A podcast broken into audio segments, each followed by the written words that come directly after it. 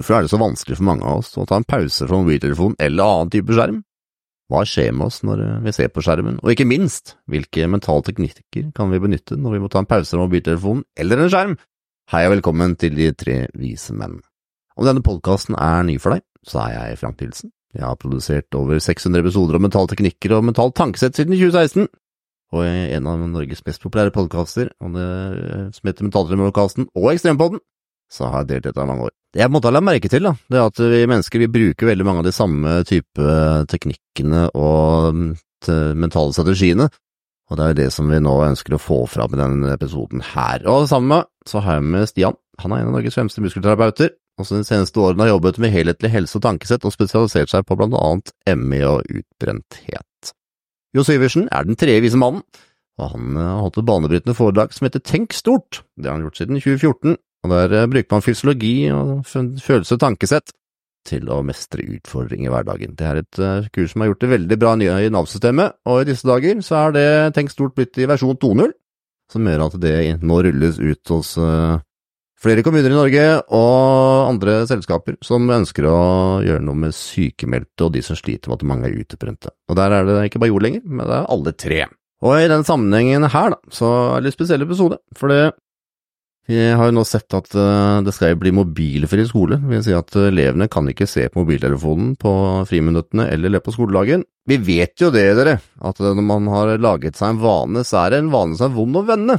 Så denne eh, episoden her er laget for, med tanke på, da, for foreldre, lærere, ansatte i skoleverket osv., Eh, og de unge selv, så vi må ha det i tankene også. At vi, de unge skal ikke bare høre at det bare er elendighet med telefonen. Det er jo også positive elementer med det. Kommer i løpet av episoden, det også.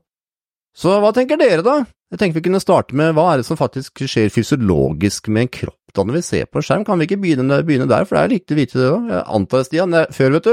Jeg vet, jeg vet ikke lytteren. Men jeg har hatt deg som sånn der eh, leksikon jeg kan slå opp når det gjelder kropp. Mens nå har du fått deg utfordrer, vet du. AI har kommet. Så nå ringer jeg ikke til deg lenger. Nå bruker jeg jo ChatGPT isteden.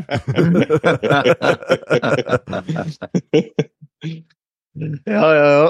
Ja, nei, altså Det er klart det. Det er jo Jeg holdt på å si det her Det her henger jo sammen. da. Jeg må jo bare først begynne med å, med å si det at uh, vi mennesker, vi, vi gjør jo det vi gjør, da. Fordi vi bevisst eller ubevisst opplever at det vi faktisk gjør, det vi faktisk bruker tid å se på, det vi faktisk uh, dedikerer, ja, rett og slett uh, tid og energi til, det er fordi at det gir oss en viss form for fordeler, da, ikke sant?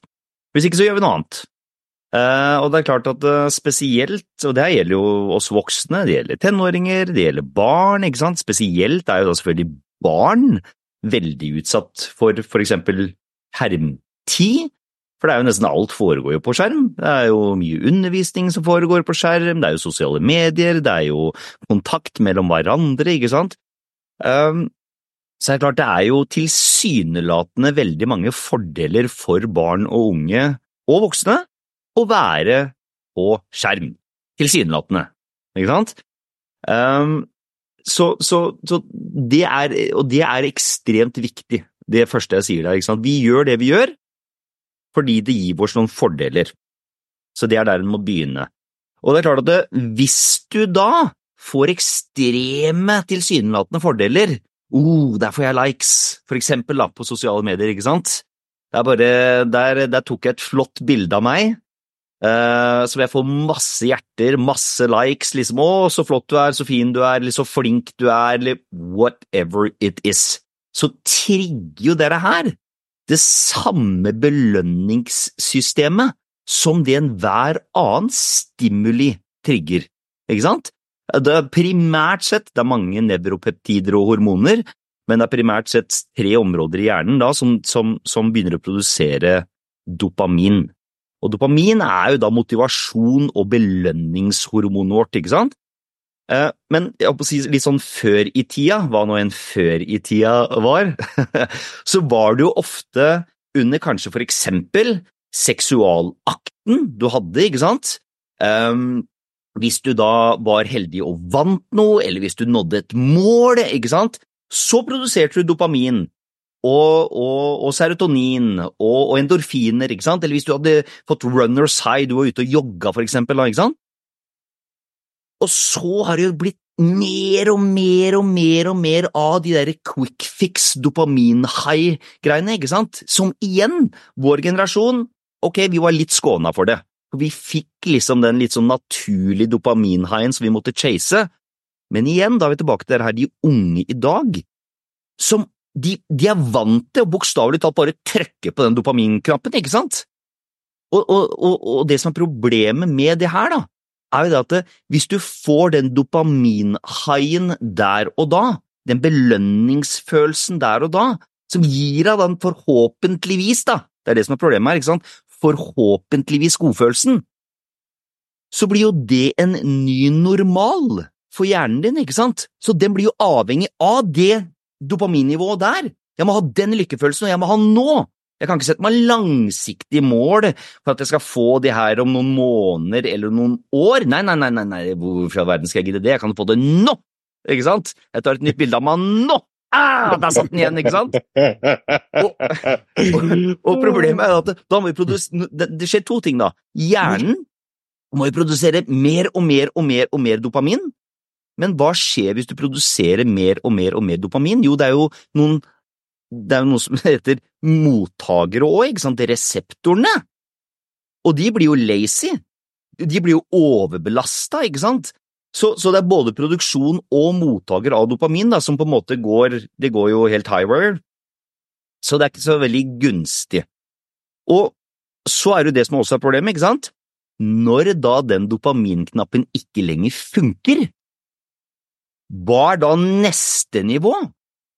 Ikke sant? Ja, men jeg legger ut et bilde av meg sjøl, og, og, så får jeg ikke den samme responsen. Kanskje, kanskje, ikke du får den samme responsen av andre, og det er jo helt krise! Men la oss si du får de samme mengden likes av, da, men du får ikke den samme godfølelsen lenger, ikke sant? Ja, nå må jeg legge ut to bilder, da. Fem bilder, ti bilder. Må jeg, må jeg, kle, må jeg kle av meg mer klær? Må jeg se bedre ut? Må jeg sminke meg annerledes? Må jeg kle meg annerledes? Hva må jeg gjøre nå for å få den samme godfølelsen, ikke sant? Og det her er bare, Nå tok jeg bare ett eksempel av det her, var bare sånn klassisk likes, for eksempel, ikke sant? Uh, men det her er jo det, det, gjelder jo, det gjelder jo alt, uansett hvis du spiller de forskjellige spilla, ikke sant? Jeg husker ikke, jeg vet ikke hva de heter, Candy Crush Saga eller noe sånt, tror jeg det er noen som heter. Ikke sant? Det blir samme greia der! Du får jo Å, oh, der vant jeg! Der vant jeg! Der vant jeg! Det er ikke noe annerledes enn sukker, kokain, MDMA, eh, spilleavhengighet, pornografi, ikke sant? Og flere av de tingene jeg nevnte nå, bortsett fra sukker og MDMA og, og, og kokain, er jo på telefonen! Ikke sant? Mm. Så, så, så, det her er ikke det, det, er veldig mye positive ting med sosiale medier og med telefon. Veldig mye positive ting med det. Men det er en del negative aspekter ved det, altså. Det er ikke tvil om. Og vi vet jo det er flere studier som viser at barn som var født da mellom 2000 og 2001, det var en studie som var gjort i 2018, eh, som da viser at eh, det er jo engstelse og generelt sett sosiale um, og psykologiske utfordringer som barn sliter med i mye, mye større grad. Selvtilliten, ikke sant? selvfølelsen. Og det er jo ikke rart, det! For, for En siste ting jeg må si der, er jo, er jo det at det er klart, hvis du hele tida legger ut noe, eller hvis du spiller et spill, og du, og du ser for eksempel andre mennesker, nå blanda jeg to ting her, men hvis du ser andre mennesker for eksempel på sosiale medier, og så ser du hvor mange likes de får, hvor mange hjerter de får, hvor mange følgere de har, all den oppmerksomheten, så vil du sammenligne deg sjøl med de andre òg, ikke sant? Og det her vet du jo, at det er sammenligning hvis jeg ser at åh, hun venninna mi, hun har jo, herregud, hun har jo 10 000 følgere, på en måte, hun får jo så mye oppmerksomhet, men jeg, jeg sitter jo her med mine ynkelige 800 følgere, på en måte, det er bare dine, ikke sant? Hva er det for noe? Jeg er jo ingenting! Og jo større den gapen der blir mellom fantasien og det som egentlig er aktualiteten, eller livet ditt, jo mer nedstemthet og trist og lei blir du jo, ikke sant? Så nei, så det er mange fallgruver her, altså. Uff, jeg blir trist, jeg. Fy fader. Du sa Ola det så utrolig bra òg. Jeg syns det er helt forferdelig. Jeg synes det er helt for jævlig, Bare. Fordi jeg ser jo Dere ler, da. Jeg ser jo på barna mine, det er det eneste utgangspunktet jeg har hatt for en yngre generasjon som jeg har vært nær selv. Og jeg har jo vært klar over dette her i mange år. Det har ligget liksom mange års lære med det. Avvenne meg selv fra det her. Gå gjennom en prosess som på en måte utelukker Er det venner hvis jeg da sletter sosiale medier? Ja, nei, vent da, Hva er venner, hva er ikke? En hel reise som har gått gjennom. Mm. Og nå bevitner jeg da at uh, mine to sønner er nå på aktiv vei inn i det her. Uh, hvor at det er ulike regelsett mellom uh, mor og far som er separert. Og så bevitne disse to små skapningene som mellom hver uke endrer delvis personlighet for hver gang den kommer. Jeg syns det er helt for jævlig. Eh, men det jeg kan si med det hele, er jo at jeg ser jo tydelig, da. La oss si det sånn her, og hvis du er forelder eller du jobber med barn, eller du er vitne til at du selv er litt for mye på skjermen, du har jo så klart en god grunn. En voksen har jo alltid en god grunn. Nei, men jeg driver jo med mail. Eller for eksempel, jeg, jeg, nå skal jo bare svare en venn. Uh, og har, det er veldig veldig viktig, det her, altså, bare så du veit. Uh, men du barn, du, du, kan slippe fra deg greia der. Ikke sant? Så det blir sånn dobbeltmoral vi alle kjører, og jeg er inkludert der sjøl. Spesielt når jeg får melding av Frank eller andre. Så bare, ja, det er bare det er Frank. Og så er det en sånn aksept for barna mine. Ja, men det er Frank, ja. Men så tar jeg meg sjøl etter det. Er dette her den rette måten å kommunisere med en venn på? Bare sitte og skrive meldinger og på en måte være veldig sånn distansert. Det er veldig veldig freaky ny normal vi er inne i. Men jeg kan si det sånn her, da, for å påpeke det, det når det gjelder litt yngre barn, er jo det at eh, har, dette her er min egen observasjon, og det er ingen studie som har, eh, jeg har søkt etter for å finne det her. Dette har jeg observert med årene. Kanskje du kan legge merke til på deg selv, barn eller ungdom rundt deg. Det er at jeg ga alltid en 20 minutters regel. Men det mener jeg at eh, La oss si du gir en telefon til et barn, også voksne, men spesifikt barn. For de er så tydelige i kroppsspråket sitt, i talemåten sin, i humøret sitt. Og så gir du denne en skjerm, og lar du den vare i over ti minutter. La oss si en time, en halvtime, en film, hva enn. Og så ser du på kroppen deres etterpå, hører på stemmen deres, på engasjementet deres, du ser inn i øynene deres. Og så prøver du å legge merke til hvor lang tid tar det før de kommer tilbake til det jeg anerkjenner som normalen. Mm. Og for meg så er det alltid det er, Jeg tuller ikke 20 minutter. Fordi jeg begynte å time. Det grunnen til at jeg greide å time her, for at barna mine hadde jo ikke skjerm i hverdagen, eller bare i helgene. Og så begynte jeg å se når eh, nabolaget her eh, begynte å få telefoner, alle disse barna. Mm. Og så begynte, gikk barna mine 'Jeg skal ut og leke', sier de.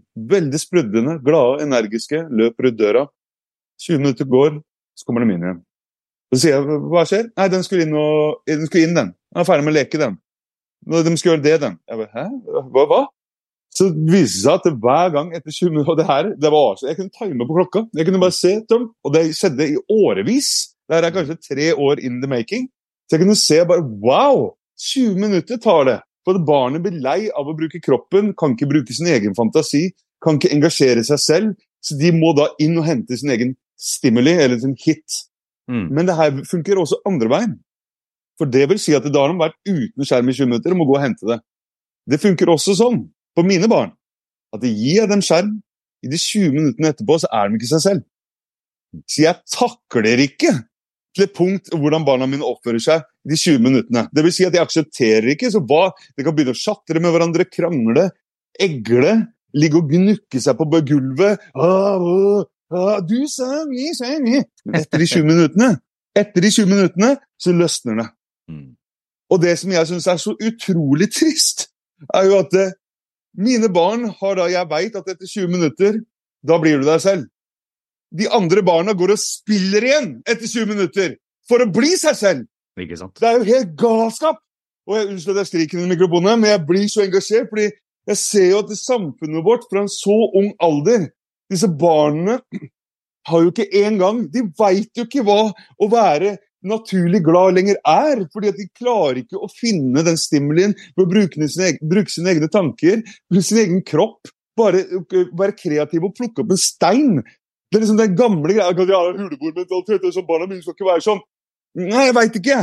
Fordi jeg flytt, når jeg flytta for meg selv, og hadde barna for meg selv, så kunne jeg underholde barna mine med en stein. Mm. De kunne sitte og fantasere at Stein hadde et navn, og det høres jo nesten ut som de var outsiders, og stikk motsatt.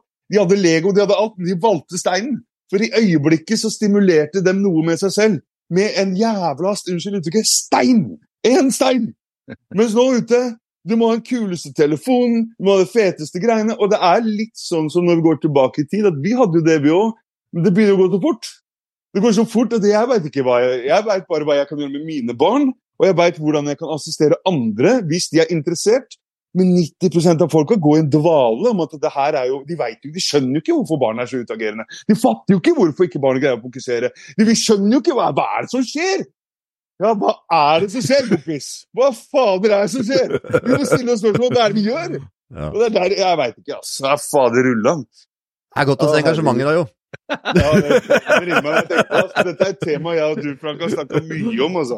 Og Det vi er det man kan kalle for brennende lidenskap.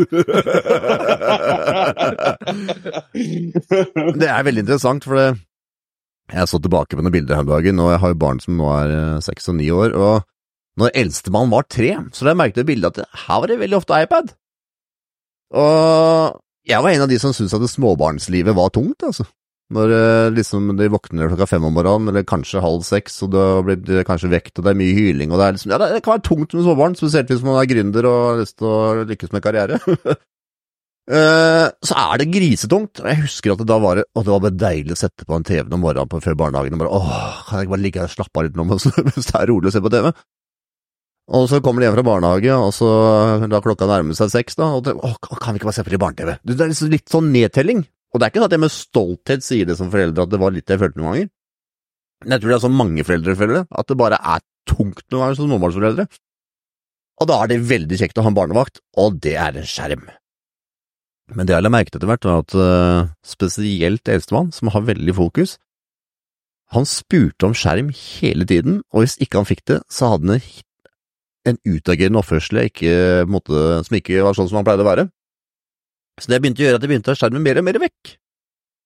Og spesielt spilling. For han så er spilling noe av det viktigste som finnes i verden, uh, og det var jo veldig vanskelig, selvfølgelig, for da ble det spørre, spørre, spørre, kan ikke kjefte pappa kjefte pappa, ikke sant? Og så, av andre årsaker, så begynte vi å reise veldig mye i telt i helgene, og da blei det jo ikke noe skjerm. Og så la jeg merke til at de blei mye mer kreative. De lekte på en helt annen måte, de spurte ikke etter skjerm heller, hadde ikke utagerende for oppførsel, for eksempel. Og det jeg liksom la merke til etter hvert, nå tok vi jo en litt rar, uh, litt rar endring i livet, der vi på en måte bodde veldig enkelt i ti måneder, og da var det jo kun skjerm en gang i uka, kanskje. Og da var det ikke noe spørsmål om skjerm ellers. Det var kanskje en gang i uka, så var det aldri noe spørsmål. Mye mer kreative, en helt annen måte å leke sammen på de, de to sammen. Og det jeg også registrerte, var at de begynte å leke det de så. Så hvis vi så på Ninjago, for eksempel, så var det veldig mye dreping. Ja, hvorfor leker dere sånn, egentlig? Her øh, ved juletid så så vi litt på Olsenbanden. Tenker jeg, Det er jo koselig sånn, øh, sånn familiegreie å gjøre i jula. Og så la jeg merke til at de begynte da å leke som Olsenbanden, politi og tyv. Jeg syns politi og tyv var mye bedre enn dreping. Men jeg registrerte da at de var veldig til å leke det de så. Så i det siste så har jeg introdusert de for Mesternes mester.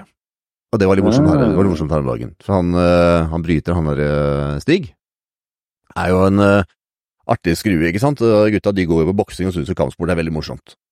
Og så var det han ene der, da, som het Andreas, som var uh, verdensmester i kickboksing. Og etter vi hadde sett episoden, så spretter minstemann på seks år ut av sofaen på med boksehanskene og klar for å hamre løs på denne boksesekken.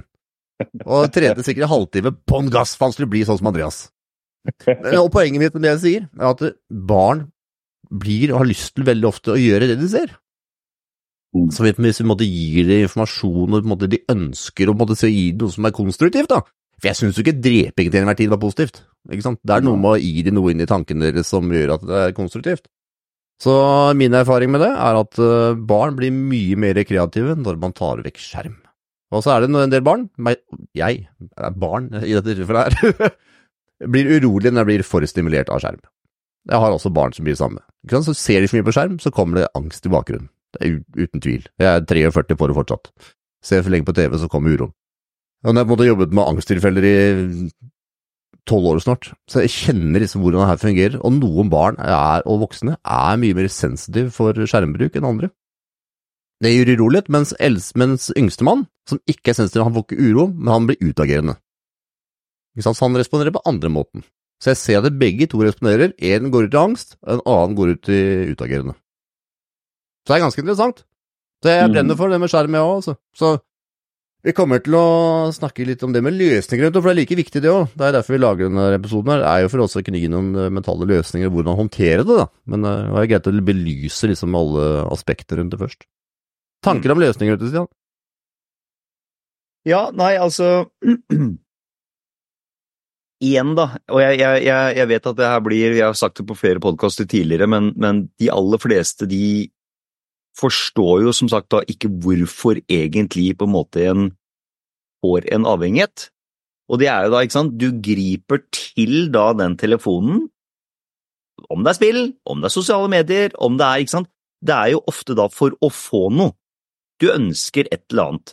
Så hvis du er veldig stressa, og du for eksempel ikke ehm, Hvis du ikke på en måte har praktisert det å kanskje gå da en tur, eller å trene, eller å jogge, eller å meditere, eller noen pusteøvelser, eller hva nå enn det er for å få roa ned systemet ditt, vel, da vil du gripe til det nærmeste du har. Ikke sant? Og da vil det kanskje være skjermen. Jeg har jo mange, både venner og klienter også, det er verktøyet for å på en måte få i hermetegn litt vekk dagen. Så setter de seg ned og begynner å scrolle på sosiale medier. Eh, Og eh, jeg skal ikke ta alle under en kam, fordi det, for noen mennesker eh, så vil det her faktisk fungere, ikke sant? Fins det enda bedre alternativer? Ja, høyst sannsynlig så gjør det jo det. Men så er det også da en del andre mennesker som faktisk blir veldig stimulert, de blir stressa av det her, og det er bare en liten del av de menneskene som faktisk er aware, som faktisk er bevisst på at de blir stressa, ikke sant? Fordi de har jo så sjelden tatt seg tid vekk fra den skjermen. Og da er det litt tilbake til det som Frank sier, ikke sant? Det er først når en faktisk har lang nok tid vekk fra skjermen, det er da du merker at hm, kanskje jeg også blir litt påvirka av det her, ikke sant? Men tilbake til hva er det en faktisk kan gjøre? Jo, det her er veldig viktig, og det virker litt sånn det de virker litt mot sin hensikt, det jeg skal si nå, men det her er ekstremt viktig å gjøre først. Nummer én Skriv ned hvorfor du faktisk bruker skjermen. For at det, hvis ikke du er klar over hvorfor du gjør det, og ikke bare gå med en sånn i hodet og tenke at ja, ja, altså, det er for å roe meg ned, eller det er for å få vekk dagen, eller det er for å, å få noe inspirasjon, ikke sant? Skriv ned helt konkret så mange fordeler du kommer på ved å faktisk gripe til skjermen. Det er ekstremt viktig, fordi hvis du har en underliggende mekanisme, en programmering, så du er ikke klar over hvorfor du egentlig griper til telefonen, da vil du aldri kunne klare å slutte med den um, rett og slett med skjermtida di. Så du må vite hvorfor. Hva er det? Er det når du er drittlei kjerringa? Er det når du er drittlei typa? Er det når du er møkk lei maset og kjaset fra barna? Er det liksom Hva er det? Hvorfor gjør du det? Eller læreren i tilfellet her, da. Hvorfor. Ja, ja, ja, ikke sant? Ja, ja, ja, ja, ikke sant? Bedre, bedre, bedre eksempel, det. Ikke sant? For å lære, så, så hvorfor gjør du det? Det er veldig, veldig, veldig viktig. Når du har nok fordeler ved hvorfor du gjør det, og det, det her er veldig viktig, det kan være 5, 10, 30 eller 50 fordeler for å virkelig få opp hvorfor du faktisk gjør det. Ok? Og så er det ekstremt viktig, hva kan alternativene være for det du på en måte ønsker å oppnå? For hvis hjernen ikke har noe alternativ, da vil den alltid gå tilbake til det som er det vi kaller for fasilitert i hjernen. Så hvis, nå tar jeg bare et eksempel her. Om det er den beste måten å lære noe på, tilsynelatende beste måten, da vil hjernen din alltid gripe tilbake til telefonen. Men så du må ha noen alternativer. Hvis det er for å roe ned, og du ikke har noen alternativer, hvis ikke du forstår at ok, jeg kan også roe ned systemet hvis jeg går meg en tur, men du har aldri prøvd å gå deg en tur for å roe ned, da vil hjernen din gripe til telefonen. Ikke sant? Så hjernen, Det er derfor du må bli klar over fordelene, og så må du skrive, jeg pleier alltid å si, minimum fem alternativer for det, for det du ønsker å oppnå. Minimum fem alternativer som hjernen din kan gripe til. Og så som et tredje alternativ, eller ikke tredje alternativ, men så som step nummer tre, det er egentlig 15 steg her, så det er bare det er, er bare en grovoversikt. Så skriver du alle de ulempene med å gjøre det. Men du må ha alle fordelene først, alternativer på hjernen din, og så ulempene med å gjøre det. Du kan aldri begynne direkte på ulempene.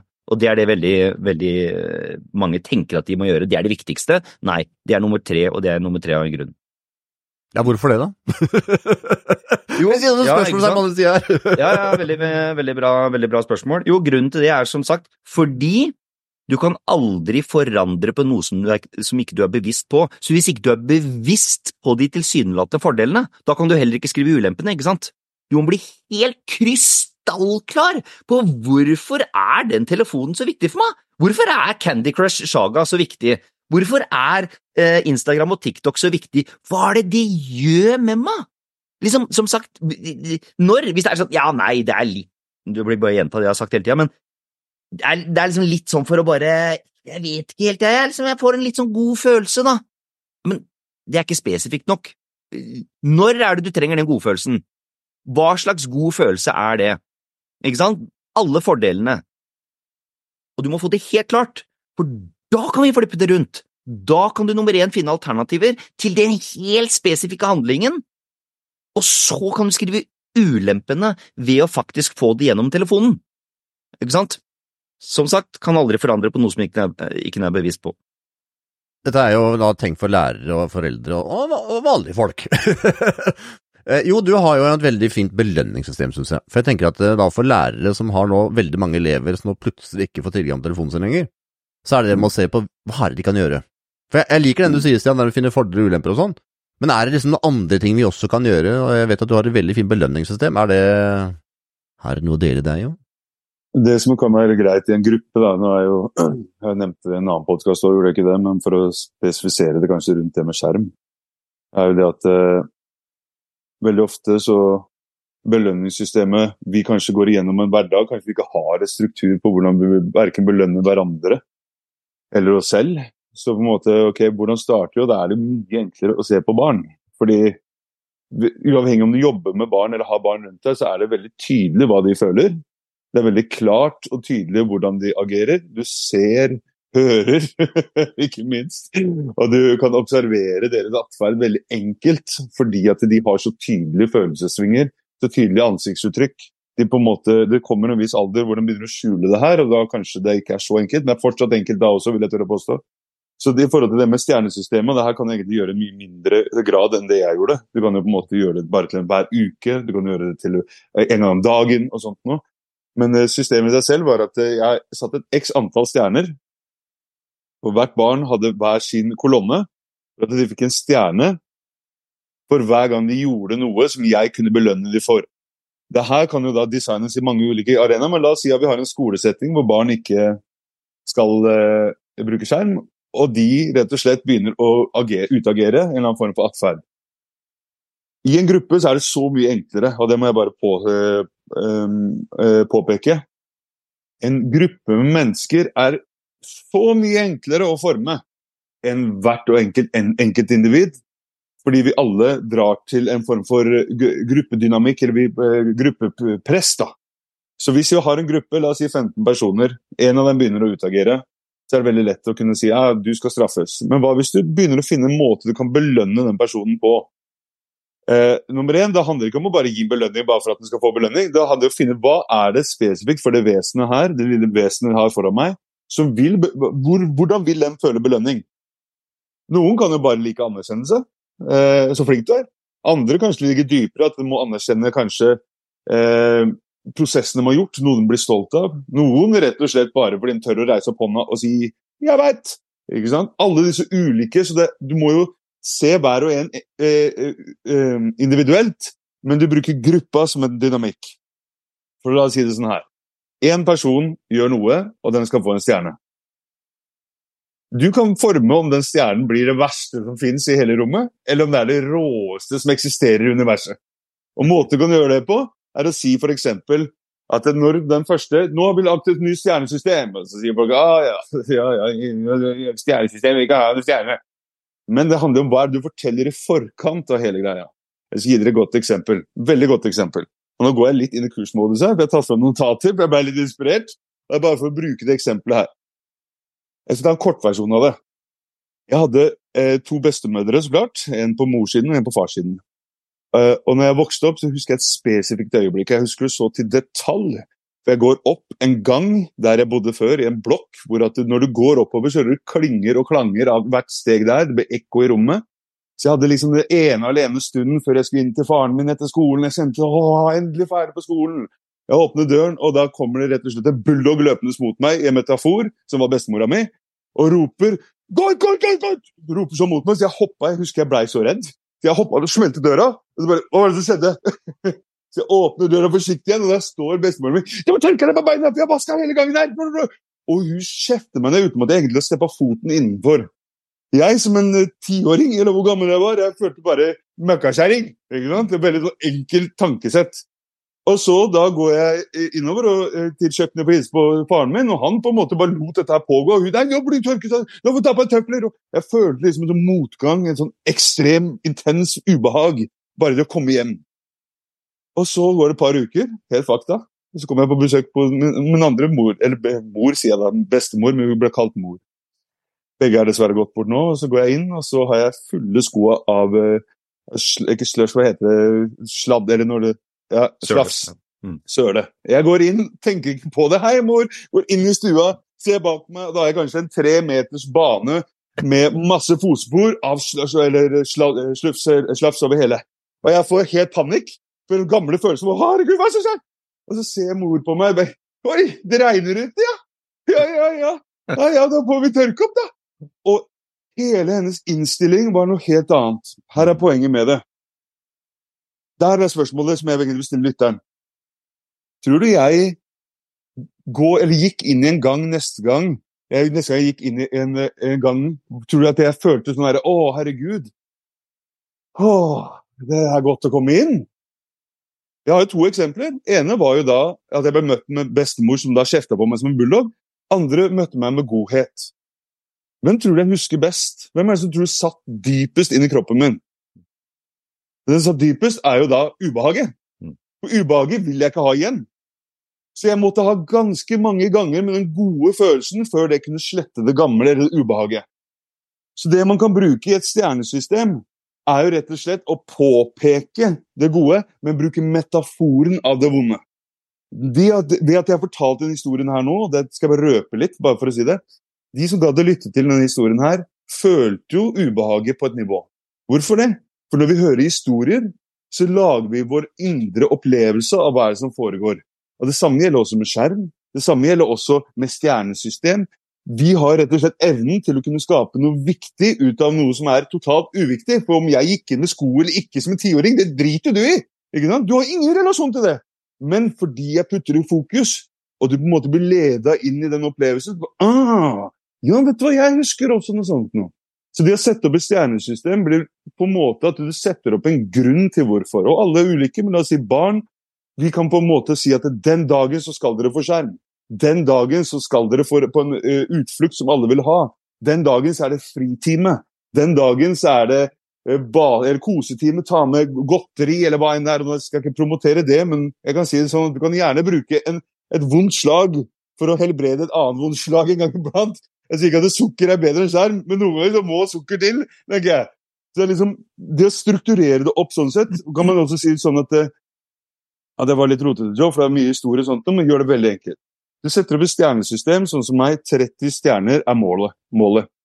Du kan dele det opp i tre faser, som jeg gjorde, men det ble borte til slutt. Jeg delte opp i noe unikt etter 10 stjerner, noe spesielt etter 20 stjerner, og noe fantastisk etter 30 stjerner. Noe unikt i starten var at de kunne f.eks. få eh, muligheten til å kunne kjøpe seg en is. Så de begynte å bare si drit i den isen, jeg skal mot 30. For 30 var bedre. Så En gang så prøvde de ut 20 stjerner, da fikk de noe spesielt. eller om det var, Jeg husker ikke rekkefølgen, men det skjønner poenget. Etter 20 stjerner så prøvde de, og så fikk de da kanskje en leke til en hundrelapp eller noe. Ja, det driter jeg i, for jeg vil ha den andre tingen. Det som er enda bedre. Mm. Og det som er så fantastisk, kjære lytter, at den dagen de kommer til 30 stjerner Den dagen er så stor for dem. Den, betyr så mye. De har oppnådd så utrolig fantastiske ting! Og her er lille hemmeligheten, så jeg håper ikke alle barna hører på den her, er jo at dagen er jo helt lik. Det eneste forskjellen er at de har innstilt seg på at det er annerledes. Så de har litt friere tøyler. Så de får opplevelsen av at dette her er så konge. Og så kan jeg egentlig bare gå rundt og gjøre det jeg alltid gjør. Det er det som er så fantastisk. Så det å strukturere et system som gjør at de som deltar, rett og slett samme som et, Hvis du tenker deg for, et fotball, eh, at folk spiller fotball eller en annen sport, det er et struktur. Hvor at gevinsten, hvis du setter to som aldri har spilt fotball på en bane før, du ser at engasjementet deres er ikke der. Mm. Men etter hvert, når de er trent inn i systemet, de ser at folk roper når de skårer mål, og wow, så blir de trent til at det systemet her, det funker. Så på en måte Det finnes mange systemer, altså. Tro meg, jeg har bare titta litt. Det er så mye man kan gjøre! Det er så mye! Det er bare, jeg tror vi kan starte med bare et lite belønningssystem. Og så, Hvis man trenger litt mer info på det, får jeg nesten ta det opp med senere. Blank. Men du holder kurs i systemene her, du jo. Og det, Absolutt. jeg legger med e-postadressen til Jo i skjoldnotatene, så kan du ta kontakt med deg hvis du ønsker å høre mer om det. Ja, Stian. Nei, jeg må si at jeg, jeg digger det systemet der. Jeg syns det er eh, det er så, det er så glimrende gjennomtenkt, eh, det systemet der. Perfekt, vet du. Per, altså, vi vet jo det at vi mennesker, vi, vi Altså, motivasjon er jo rett og slett belønning for å gjøre noe, eller straff for å ikke gjøre det. Og, og, og psykologisk sett så fungerer vi mennesker bedre med belønning for å gjøre noe enn straff for å ikke gjøre noe. Og det som er så kult med det systemet her, det, altså det, er, det er veldig fascinerende og kult på veldig mange områder, men det er jo at det, det tar jo også barn litt vekk fra den quick fix dopamin-haien, ikke sant? Du lærer jo barn faktisk å sette seg litt lengre mål, ikke Mm. sant? Og ikke bare få det med en gang, sånn som du sier, at det var den isen i dag, og så bare Nei, det, det var også en studie vet, du, for mange år siden som ble gjort på hvem som lykkes mest av barn. Det var en studie som ble gjort på ganske mange barn, der hvis de spiste den kaka med en eneste gang, de hadde tendens til å rett og slett klare mindre i hermetegn, eh, mindre form for vestlig suksess, da. De barna som lot den kaka være over lengre tid, fordi de da fikk noe annet seinere, på en måte, ikke sant, de hadde da mer suksess og var mer glad i seg selv i tillegg. Så, så, Mm. så, så, så digger sånn som det belønningssystemet du har satt opp der, altså. Det er, det er uh, briljant. Og jeg kan også bare påpeke at de som skal prøve på det, tenker dette her skjønte jeg, og gjør det. Pass på å ikke gå i fallgruven jeg gjorde. For etter hvert, når de oppførte seg dårlig, så var det så enkelt å si hvis ikke du oppfører deg, så tar jeg bort en stjerne! og jeg gjorde det jeg gjorde det noen ganger. Dette systemet jeg har hatt i kanskje to og et halvt år nå. i hvert fall. Så jeg begynte å kjenne at å nei, da tar, da tar jeg bort. Da, skjønner du? Da, skjønner du? Jo, jo, jo, nå, nå må du høre. Det jeg fant ut til slutt, at til slutt så var ikke stjernesystemet verdt noe. Så jeg måtte da Ok, ok, ok, greit. Nå har jeg lært dem å assosiere stjernesystemet først med noe positivt, var veldig bra. Og så begynte jeg som en liten pause, litt sånn som du nevnte i forhold til det med skjerm. At det var så enkelt å bare sette skjermen foran. Jeg har også gjort det, tro meg. Jeg har gjort det fordi at det eneste barnehjelpen jeg hadde, jeg var alenefar. ikke sant? Aleine med barn. Hva i all verden skal jeg gjøre? Jeg klarer ikke engang å tenke mine egne tanker. Jeg klarer ikke engang å gjøre noe. Bare, nei, vet du, skjermen oh. oh. Gud, hva det vil skjerm! Men så begynner jeg å legge merke til ok, det belønningssystemet der, det var litt dritt. Så jeg begynte da å si nei, vi gjør ikke det, så får du ikke skjerm. Sant? Jeg skal ønske det funka like bra som det negative der som stjernesystemet. For stjernesystemet så viser meg at vet du hva, hvis du straffer meg så mye, så jeg vil ikke ha noen stjerner. Jeg vil ikke ha det med det å gjøre. Men det er et eller annet merkelig som skjer med den skjermen. Mm. Sier du du får ikke skjerm, så betyr det faktisk noe. Det betyr å, oh, wow, å nei, oh. og så begynner du å se atferden endre seg. Så det er veldig interessant. Det er veldig interessant altså. Ja, og det som jeg syns er viktig å få fram her, da, er at eh, du har begynt å snakke om det med belønning, men jeg har jo spesielt eh, Han eldste er jo litt glad i spilling når det måte er mulighet, men jeg har alltid lagt til at det handler om belønning. Er det spilling, så er det belønning. Eh, og da må man gjøre noe. Eh, jeg husker spesielt eh, et tilfelle, da husker jeg ikke- var seks eller syv år eller noe sånt, syv år eller noe sånt. Ja, da gikk gutten en mil på ski. Jeg så nesten ikke snurten, han jo. For han skulle fortest mulig hjem for å spille. Ikke sant, det er jo Hadde jo ikke lyst til å gå på ski i utgangspunktet heller. Men fordi at det var måte, spilling som var premien i andre enden, så gjorde han det meste nettopp for å få spilt. Jeg tenker at hvis barn har fått ut energi og får brukt kroppen og Da er det vel helt greit at de får en belønning, er det ikke det? da? Mm. Å bruke som Mm. belønningssystem. Men Jeg Ja, synes det det er som glimrende det du sier der. Bruke Ja, det det- som belønning, at ikke det på en måte det er dagen, og så skal belønning ikke være noe som helst, eller være noe annet i tillegg til det, liksom. Ja, eller gjør leksene først, eller følge med på oppgaven, skal det- lese boka, si- eller Mm. Det jeg kan si sånn her, at jeg har bare erfart egen eh, Ikke hver dag, selvfølgelig. Ja. Ja, men det, det var det som ble tilfellet eh, for meg en periode. Når de var to og- fire år. Jeg måtte jo ha noe for å lette av skuldrene mine, og belønningen var da en skjerm. Det som da ble til slutt, at eh, handlingen av å gjennomføre noe ble ikke alltid like. Det var ikke like dedikert, for det var noe som Når kommer den tingen der etterpå? Når kommer den tingen der etterpå? Så det å på en måte greie å motivere et barn, eller også voksne, av at prosessen i seg selv er underholdende, uavhengig av belønningen. Og det er det som var litt det magiske med stjernesystemet, at de veit ikke når de skal få en stjerne. Ikke sant? Jeg har ikke fortalt dem at hvis du gjør det her, så får du stjerne. Det, noen ganger gjør jeg det. Hvis du gjør det, så får du stjerne. Eller du kan få muligheten til å få stjerner. Men hvis de alltid vet at det handler om å løpe etter noe for å få noe, så lager de en sånn merkelig bane i hjernen da også. Ja. Så for meg så handler det om at eh, vær deg sjøl. Og da kan man si at det, hva i all verden er det? Nei, det er det vi driver og finner ut på denne reisen her, er det ikke det? Vi veit jo ikke. Men vi kan jo observere som foreldre. Ok, det her er det som jeg anerkjenner. Der er de, føler de godt. Der oppfører de seg bra. Der inkluderer de andre barn. Der har de en god innsats. Ikke sant? Der kan jeg begynne individuelt og si at der er du det som jeg anerkjenner som et godt barn, eller som en god atferd, eller sånt noe. Og så smekke på den stjernen oppå der igjen. Ikke sant? Men hvis det blir sånn at de alltid blir bevisst, så blir det sånn at de retter seg mot et mål som alltid skal gjøres. Og da til slutt så blir det sånn at de kan jo til og med slite rumpa av seg som små vesener ikke sant? for å bare oppnå det. Så ikke at det er det som skjedde i ditt tilfelle, Frank. Jeg bare sier det at det er, det er en fallgruve der òg. Det er liksom så mange det er, ja, så Egentlig best skulle egentlig strømmen bare bli skrudd seg av. Og så måtte face, face realiteten. At det her er livet. Sånn her vi oss. Bare sånn li- liten restart. Ja, det, det kan jeg anbefale, bare for moro skyld. Prøv en uke uten skjerm. Og det gjelder deg også, voksne. Hvem enn det er som lytter på, prøv en uke å inkludere alle i familiehuset eller familiesituasjonen du bor i. Og se hvor mye følelser, opplevelser, dritt som blir trigga fram. Og så kan man si at ja, men den sa det, jeg sa det, du sa det, dem sa det. Hva, hva. Ja ja, men dette er jo sånn folk dealte med i gamle dager. Og faktisk få en eh, appreciation, en verdsette at eh, de andre vesenene rundt deg har ulike meninger, har ulike følelser, har ulike, ulike intensiteter. Mm. Det, det er bare ett barn kan være rolig, et annet barn kan være 1000, helt opp i 100 ja. Så kan jeg, kan jeg putte inn en story her nå? Fordi at det, jeg har jo vært i det her lenge nå, når det gjelder akkurat det med skjerm og sånt. Og jeg har jo ikke En ting er å stå ansvarlig for sitt eget barn, eller sine egne barn. Og du vet jo eh, hva du setter som grense for det barnet. Du er enig med deg selv, for det er du som har ansvaret aleine. Er det da en foreldre på andre siden, så kanskje dere kan samarbeide, men det er ikke sikkert dere har de samme reglene, samme to, to ulike hushold. En annen ting er når det kommer til stebarn. Ikke sant? Plutselig kommer det et annet barn som har helt andre regler hos en annen respektiv foreldre, og skal komme hos deg, og der skal de da følge dine regler, eller skal de følge det?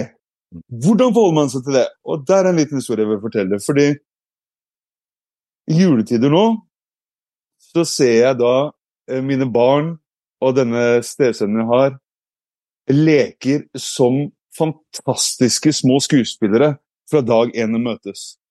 De bobler, de er karakterer, de spiller dyr de spiller, Og det er ikke for oss, de gjør dette her for seg selv. De er så mange ulike karakterer. De kommer løpende ut av rommet, svetten siler. De er så engasjerte, og de har det så utrolig bra. Men så begynner det å nærme seg at vi skal reise hjem til julegaver. Fordi noen har ligget sjuk denne jula der, så vi fikk ikke gjort det sånn som vi skulle gjøre det. Så ble jeg litt utsatt hele, hele jula. Og så reiser vi.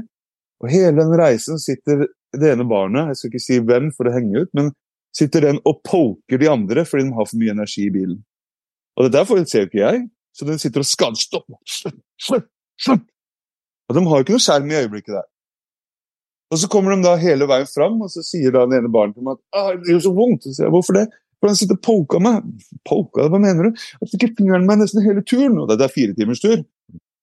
Åh, sinnet mitt. Fy faen. og- Sitter og poker, kjenner jeg inn i hodet mitt. Men jeg tenker ok, det vi kan gjøre da, er jo å spørre hva er det du vil, da. Og det barnet var veldig tydelig på at jeg vil ikke ha noen rundt meg. Jeg vil bare være for meg sjøl. For meg da så var det sånn her, greit, skal du få være, på, være for deg sjøl. Så sier jeg til to andre barna at vet du hva, dere får holde en avstand nå.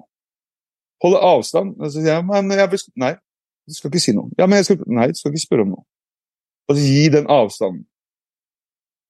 Det som det ender med, at den ene barnet sitter foran i bilen, de andre blir sittende bak, og min kjæreste sitter da bak med de andre barna, og vi kjører. Og jeg har aldri sett et menneske være så tilfreds og bare få lov til å være for seg sjøl. Den sitter, Jeg tenker liksom i hodet mitt at det er sånn, ok, nå skjønner den alvorlig, alvor, alvoret i hva som skjedde her. Jeg har blitt intens og streng. Jeg, vil påpeke at den atferden var dårlig. Så ser jeg at en person bare sitter og egentlig har det bra. Koser seg på hele turen. Og da jeg kommer fram, da jeg levert barna uh, mine hos uh, min eks, så sitter jeg og ser på min stesønn, så sier jeg du Hva er det som egentlig skjer her, skjedde her nå? For jeg mente egentlig at uh, jeg skulle distansere dere. Men jeg ser at du slapper av, du har det bra. Og det, det sprengte litt i hodet mitt da, fordi jeg trodde jo at, den, at det var noe som var galt, men den trengte bare å få alenetid. Og det som viste seg, at det, han er så vant til alenetid med skjerm. Så hver gang han er alene, ofte er alene, så sitter han med skjerm, og da får han samla sine følelser, samla sine tanker. Ja, man kan si at det er en negativ effekt av skjermen, absolutt, men den har da lært seg sitt lille system å forholde seg til omverdenen på. Blir det for mye impulser fra utsiden, blir det for mye stress, blir det sånt noe, så hvordan skal den forholde seg til det? Hvis den ikke har denne her lille kompisen som kalles en skjerm? Jo, den kan faktisk begynne å vedvare de vanene den har bygd. Få da mer alene. Ta en pause. Ikke ta bare pause fra skjerm, ta en pause fra omgivelsene. Så Hvis du har en gruppe med mange barn, så husk at alle har sin lille spesifikke væremåte. Alle har helt unike væremåte, egentlig, men i grupper så blir det spesifikk. Og prøve å tilrettelegge det, sånn at det på en måte hver og en kan få det den trenger. da. Og så gikk det bare en liten uke, møtes igjen. Alt det var som startet på nytt igjen. Alt var bra. Men det er akkurat som at den, den atferden som var bygd via flere år med skjerm, måtte også få lov til å få plass uten skjerm. Mm. Det er bare at Hvis et barn sitter uten skjerm og er stille, så vil de fleste tenke hei, hva er det noe galt med deg? Hvorfor sitter du sånn? Hvorfor svarer du ikke? Du, er, du hva, hva, vil du ha? Ikke sant? Jeg vil ha skjerm. Ok, da får du skjerm. Eller og jeg er sulten, da får du det. Hva hvis de alle jeg, Det er noe jeg må påpeke, som er så viktig å forstå. Alle mennesker er voksne vesener. Og da kan man si nei, det er ikke for mitt barn er to år. Ja, men jeg sier voksne vesener, ikke voksne mennesker. Fordi de påvirker alle andre rundt like intenst følelsesmessig, handlingsmessig, atferdsmessig, som om det var en voksen mann eller dame. Så deres følelser, deres utagerenhet, det er som et voksen vesen som har sin egen unike væremåte. Og det å tilrettelegge noe for dem, det er jo kanskje det som kalles å være en forelder eller en, en lærer eller en, uh, du jobber med barn. Det er jo det som jobben vår er. da. Å prøve å finne ut Hvordan kan vi tilrettelegge det her på en optimal måte. Du holder kurset her, jo, og jeg legger ved uh, e-postadressa di i shownotatene. Men jeg er sånn avslutningsvis på det temaet her. Så jeg tenker jo da for uh, en lærer nå som, eller forelder, som står overfor en barn eller ungdom, som du ser at de virkelig sliter, altså. For det er tungt, ikke sant? Du er vant med å ha det der stimulien hele tiden, og du, du får det ikke, du blir amper, du blir irritert. Jeg skal Den der, og der. Hva er, det, folk kan gjøre i øyeblikket, tenker dere? Hva er det liksom de som skal hjelpe til, kan gjøre i øyeblikket? Ja, Kan jeg bare hoppe inn og si min lille greie fasit der, for jeg har bare min egen opplevelse å gå etter. At jeg måtte jo, fra et barn som var vant til å ha skjerm teknisk sett fra våkne til han la seg, til da å nå være her hjemme hos oss uten skjerm en hel helg, er jo sakte, men sikkert ta bort skjermen og gi tilbake igjen. Jeg prøvde cold turkey først, dvs. Si, ta det bort, la det være. Men da så du at det var ikke bare jeg som led, eller den andre forelderen som led fordi at det var en respons i barnet. Du så faktisk at barnet hadde det vondt på nivåer som var vanskelig å stimulere. Og mange ganger så tenker vi ja, men la oss bare prate om det, da. Mm. Ja, men Hva hvis barnet ikke har engang vokabulæret til å forklare, for den veit ikke engang hva følelsen betyr. Den veit ikke engang at det er en følelse, den veit ikke engang at det er en tanke. Det bare er et pressepunkt som gjør ubehag i en kropp som da blir utagerende. Som da kalles ja, Det er vanskelig å på en måte bli eh, sånn.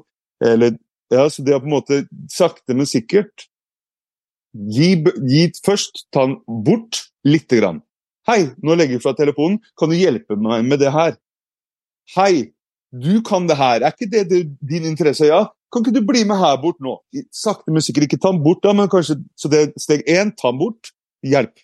Steg to, bare lede oppmerksomheten videre. Steg tre, nå skal vi gjøre det her sammen, vi. Kan du legge bort? Jeg legger bort. Ikke sant? Mm. Steg fire er da nå skal vi besøke, gjøre det, og så tilbake igjen og kose oss. Ikke sant? Så deretter sånn. Så på en måte sakte, men sikkert av henne. Og det, det som er så utrolig fascinerende Man tror at dette er en prosess som vil ta måneder eller år. Nei, det kan ta én uke. Mm. En vinterferie gikk det. Så kunne jeg gjøre alt det som det er bare, What?! En uke?! Fordi barn er så mye mer formelige da, enn voksne. Mm. Så det er på en måte en tips jeg kunne gi den settingen sånn. Tips, Stian, på slutten? Ja, nei, altså jeg har egentlig ikke så veldig mye mer å legge til her. Jeg syns det er veldig, det er veldig mange gode poenger. Eh, Det eneste jeg vil eh, nevne, er jo at sånn som den metoden jeg presenterte i starten av podkasten, den, den fungerer jo bedre på tenåringer og oppover enn på barn. Mm. Og grunnen til det er jo fordi barn har jo ikke reflektive sentre på en måte hjernemessig. Altså, de, de er rett og slett ikke utvikla. Så, så, så, så Jo sin eh, måte å jobbe med vil fungere mye bedre på barn. Det som jeg kan oppfordre, som jeg når jeg har uh, hatt foreldre inne, også lærere som da har slitt med de tinga her, men det er litt, lettere for foreldre akkurat der, det er at det, når du ser hvorfor barnet ditt gjør det den gjør, ikke sant? Og det her er veldig, veldig veldig viktig det jeg sier nå, for det vi ofte, det de eh, foreldre ofte gjør, er jo det at eh, de baserer jo sin barneoppdragelse på sine mangler og sine verdier. Ikke sant? Ja, men du burde jo drive med det her, det her er godt for deg, ikke sant? Og det er dritvanskelig for foreldre å skulle klare å skille mellom hva, hva som er lurt, og hva som er mitt, og hva som egentlig er best for barnet. Det er jo og Det er derfor de sier at eh, barneoppdragelse og være foreldre er verdens hardeste, tøffeste jobb, ikke sant? For du skal være ganske bevisst forelder oppi alt det dagligdagse stresset med å klare å, å skille mellom de tinga her, ikke sant? Og ikke minst også for en lærer, da, ikke sant? Men, men, men, men ikke sant, prøv så godt det lar seg gjøre. Hva er det den jenta, eller hva er det den gutten, på en måte, sånn som Jo sier, når er det de reagerer sånn? Ikke sant? Er det fordi at de trenger å være aleine? Er det fordi at de, de, de må få at, at det er måten deres å roe ned på? Når er det de agerer og utagerer hvis den skjermen forsvinner? Ikke sant? Hva er det mønsteret til det lille barnet, eller den unge tenåringen? Om man kan klare å observere det og være bevisst på det, så vil det skape en revolusjonerende forandring. Mm. Um, så, og så en siste bit, og det er jo det som Jo er veldig opptatt av òg, det er jo rett og slett eh, tilstandsendring. Der og da fysiologisk tilstandsendring. Ikke sant? Noe så enkelt som å nesten stå opp og lage en lyd og faktisk riste av seg, riste ut energi. Ikke sant? Og ba, ba, ba- bare få forandra tilstanden, rett og slett, på barnet eller tenåringen. Få det ut. Banke på brøstet og bare eh, altså, Det er mange ting en kan gjøre. Litt rolig pust. Alle sånne ting som de greiene her kan skape, bare for å få hjernen litt ut av det moduset den er i. Så tror jeg det er veldig viktig å faktisk forstå hvor mye skjerm stimulerer et nervesystem. Du kan avslutte med parasympatisk og sympatisk nervesystem, for jeg synes det er veldig viktig å forstå. For noen mennesker har et konstant sympatisk nervesystem som aldri slår seg særlig av. Og du skal få lov til å utbrodere hva det er, for det er, synes jeg er viktig å avslutte med. Ja, eh, vi har jo flere forskjellige eh, nervesystemer i kroppen, og det vi snakker om da er det som heter det autonome nervesystemet, eller det automatiske nervesystemet. Det automatiske nervesystemet i kroppen, Det er det som styrer, det styrer temperatur, det styrer puls, hjerte-sinusknuten, det eh, styrer fordøyelsen din, det styrer alle de prosessene i kroppen som du ikke behøver aktivt å tenke over for å få til. Hvis du skal løfte armen, det er noe annet, ikke sant, for det, det, det, da bruker du det motoriske nervesystemet ditt. Men det autonome nervesystemet, det er da som sagt alle de tinga som i hermetegn bare skjer av seg selv, og det deles i to. Da har vi noe som heter det parasympatiske, som er hvile- og fordøyelsessystemet, og så har vi da det sympatiske, som heter kjemp- eller flyktsystemet.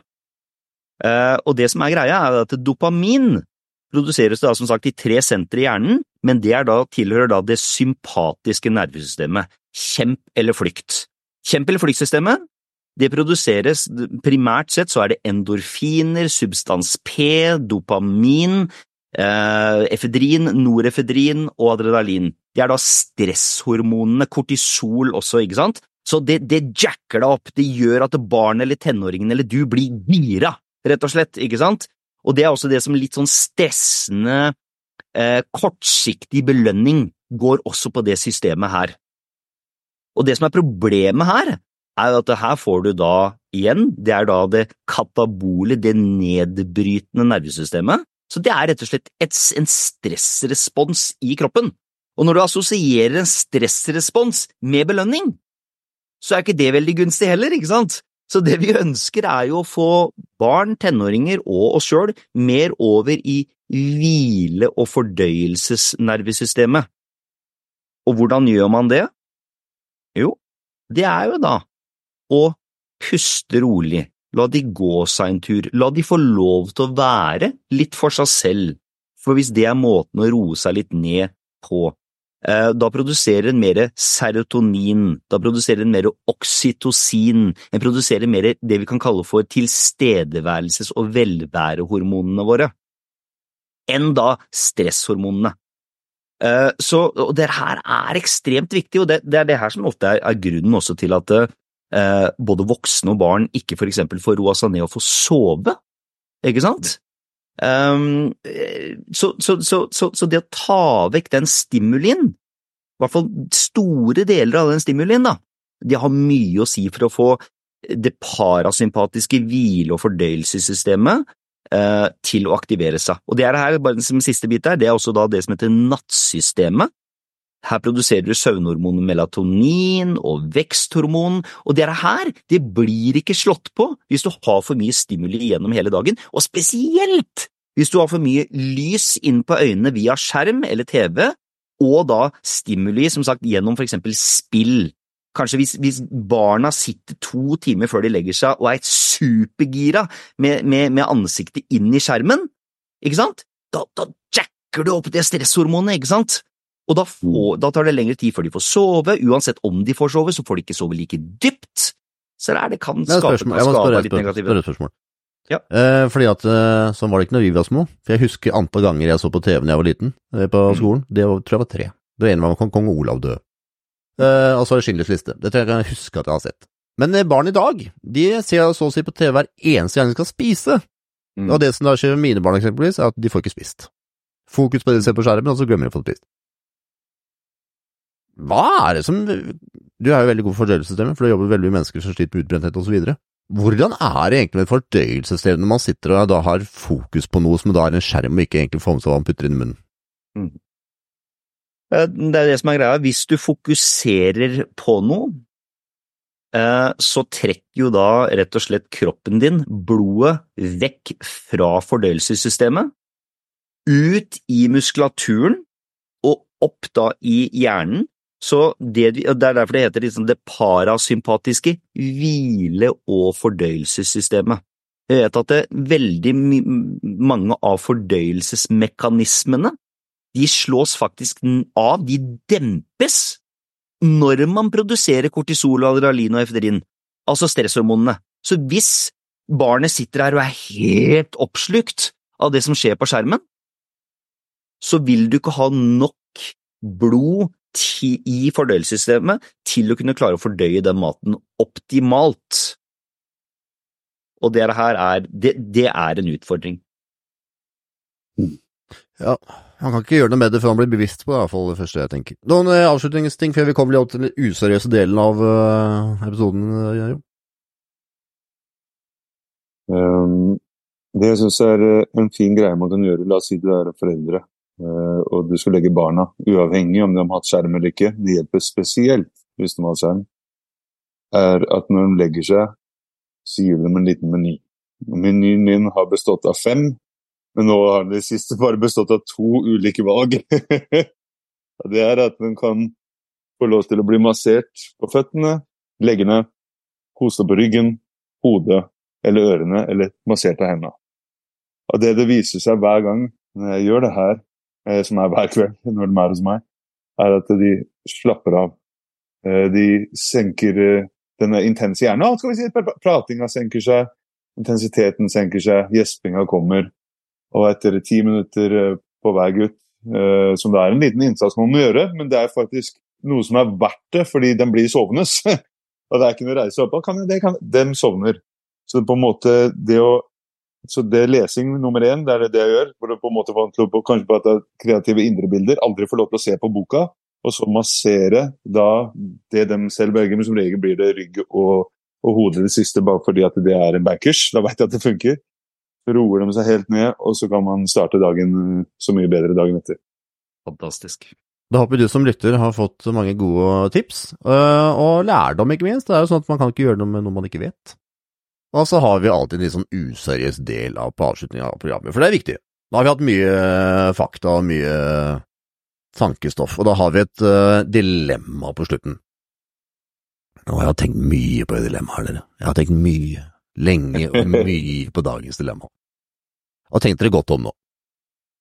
Ville du alltid vært litt for kald, så at du liksom alltid ikke så småfrøys, så at du liksom aldri fikk varmen. Uansett hvilken badstue, så var liksom alltid litt kald. Eller ville du alltid vært litt for varm, så at du liksom alltid kledde deg av, men det ble liksom aldri liksom, det hjelper ikke å kle deg heller, du ble liksom alltid for varm. Har du ville valgt? Der hadde jeg valgt å Oh, de er ille begge to. Uh, de er skikkelig ille begge to, altså. Jeg vet jeg skulle til å si jeg hadde, jeg hadde valgt å være litt ekstra varm, men jeg vet at jeg sover dårligere hvis jeg er ekstra varm. Så jeg tror faktisk jeg måtte valgt å være litt ekstra kald bestandig. Så du ville alltid gått med polvotter, tjukke sokker og poljakka? Ja, Jeg tror jeg heller hadde valgt det, altså. Jeg personlig hadde valgt alltid å være litt for kald. Eh, fordi da kunne jeg bare gått rundt og pesa og pusta som jeg gjør her om de første fire timene jeg våkner likevel. Det, det, da hadde jeg bare dratt ut med mer ekstreme, og folk hadde hatt noe å snakke om. Så. Ja, tenk på det da, tenk på det her begge to. Ja, men det her ville aldri gitt seg, ikke sant? Så uansett om du tapper på deg mye jakker og votter og sokker, uansett hva du har gjort, så hadde du alltid vært kald! Tenk deg aldri, aldri bli varm! Det hadde vært jævlig, unnskyld norsken, det er jo alltid fryse! Nå er det snø, vet du hva, jeg hater vinteren etter så mye snø som har vært i øyeblikket. Altså, tanken er så godt små... Nå er jeg kald på beina, skal jeg alltid gå meg kald på beina? Nei, for jævlig, unnskyld, å gå meg kald på beina hele tida! Nei, åh, syden altså, få litt varme og være litt varm.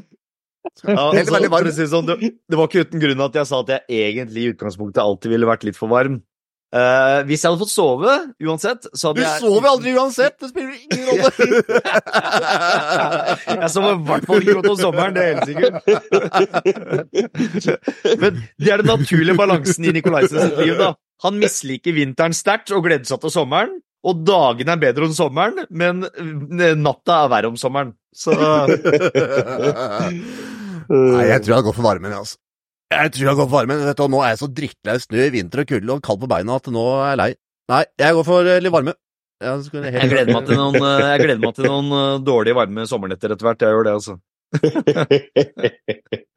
Så kjære lytter, vi håper du fikk mye ut av dagens eh, episode. Og vil du ha kontakt med noen av de som nå har vært det, Stian, meg eller eh, jo, så ligger e-postadressen i notatene på shownotatene. Og ønsker du å hjelpe oss økonomisk, og det vil vi gjerne at dere gjør, så er det til tre vise menn på Vipps. Så det er da med tretall, tall, så finner du det. Så til neste gang så ønsker jeg deg bare en fantastisk lykke til, og lykke til med å få vekk mobiltelefonen. Ha det bra. Ha det bra. Eh,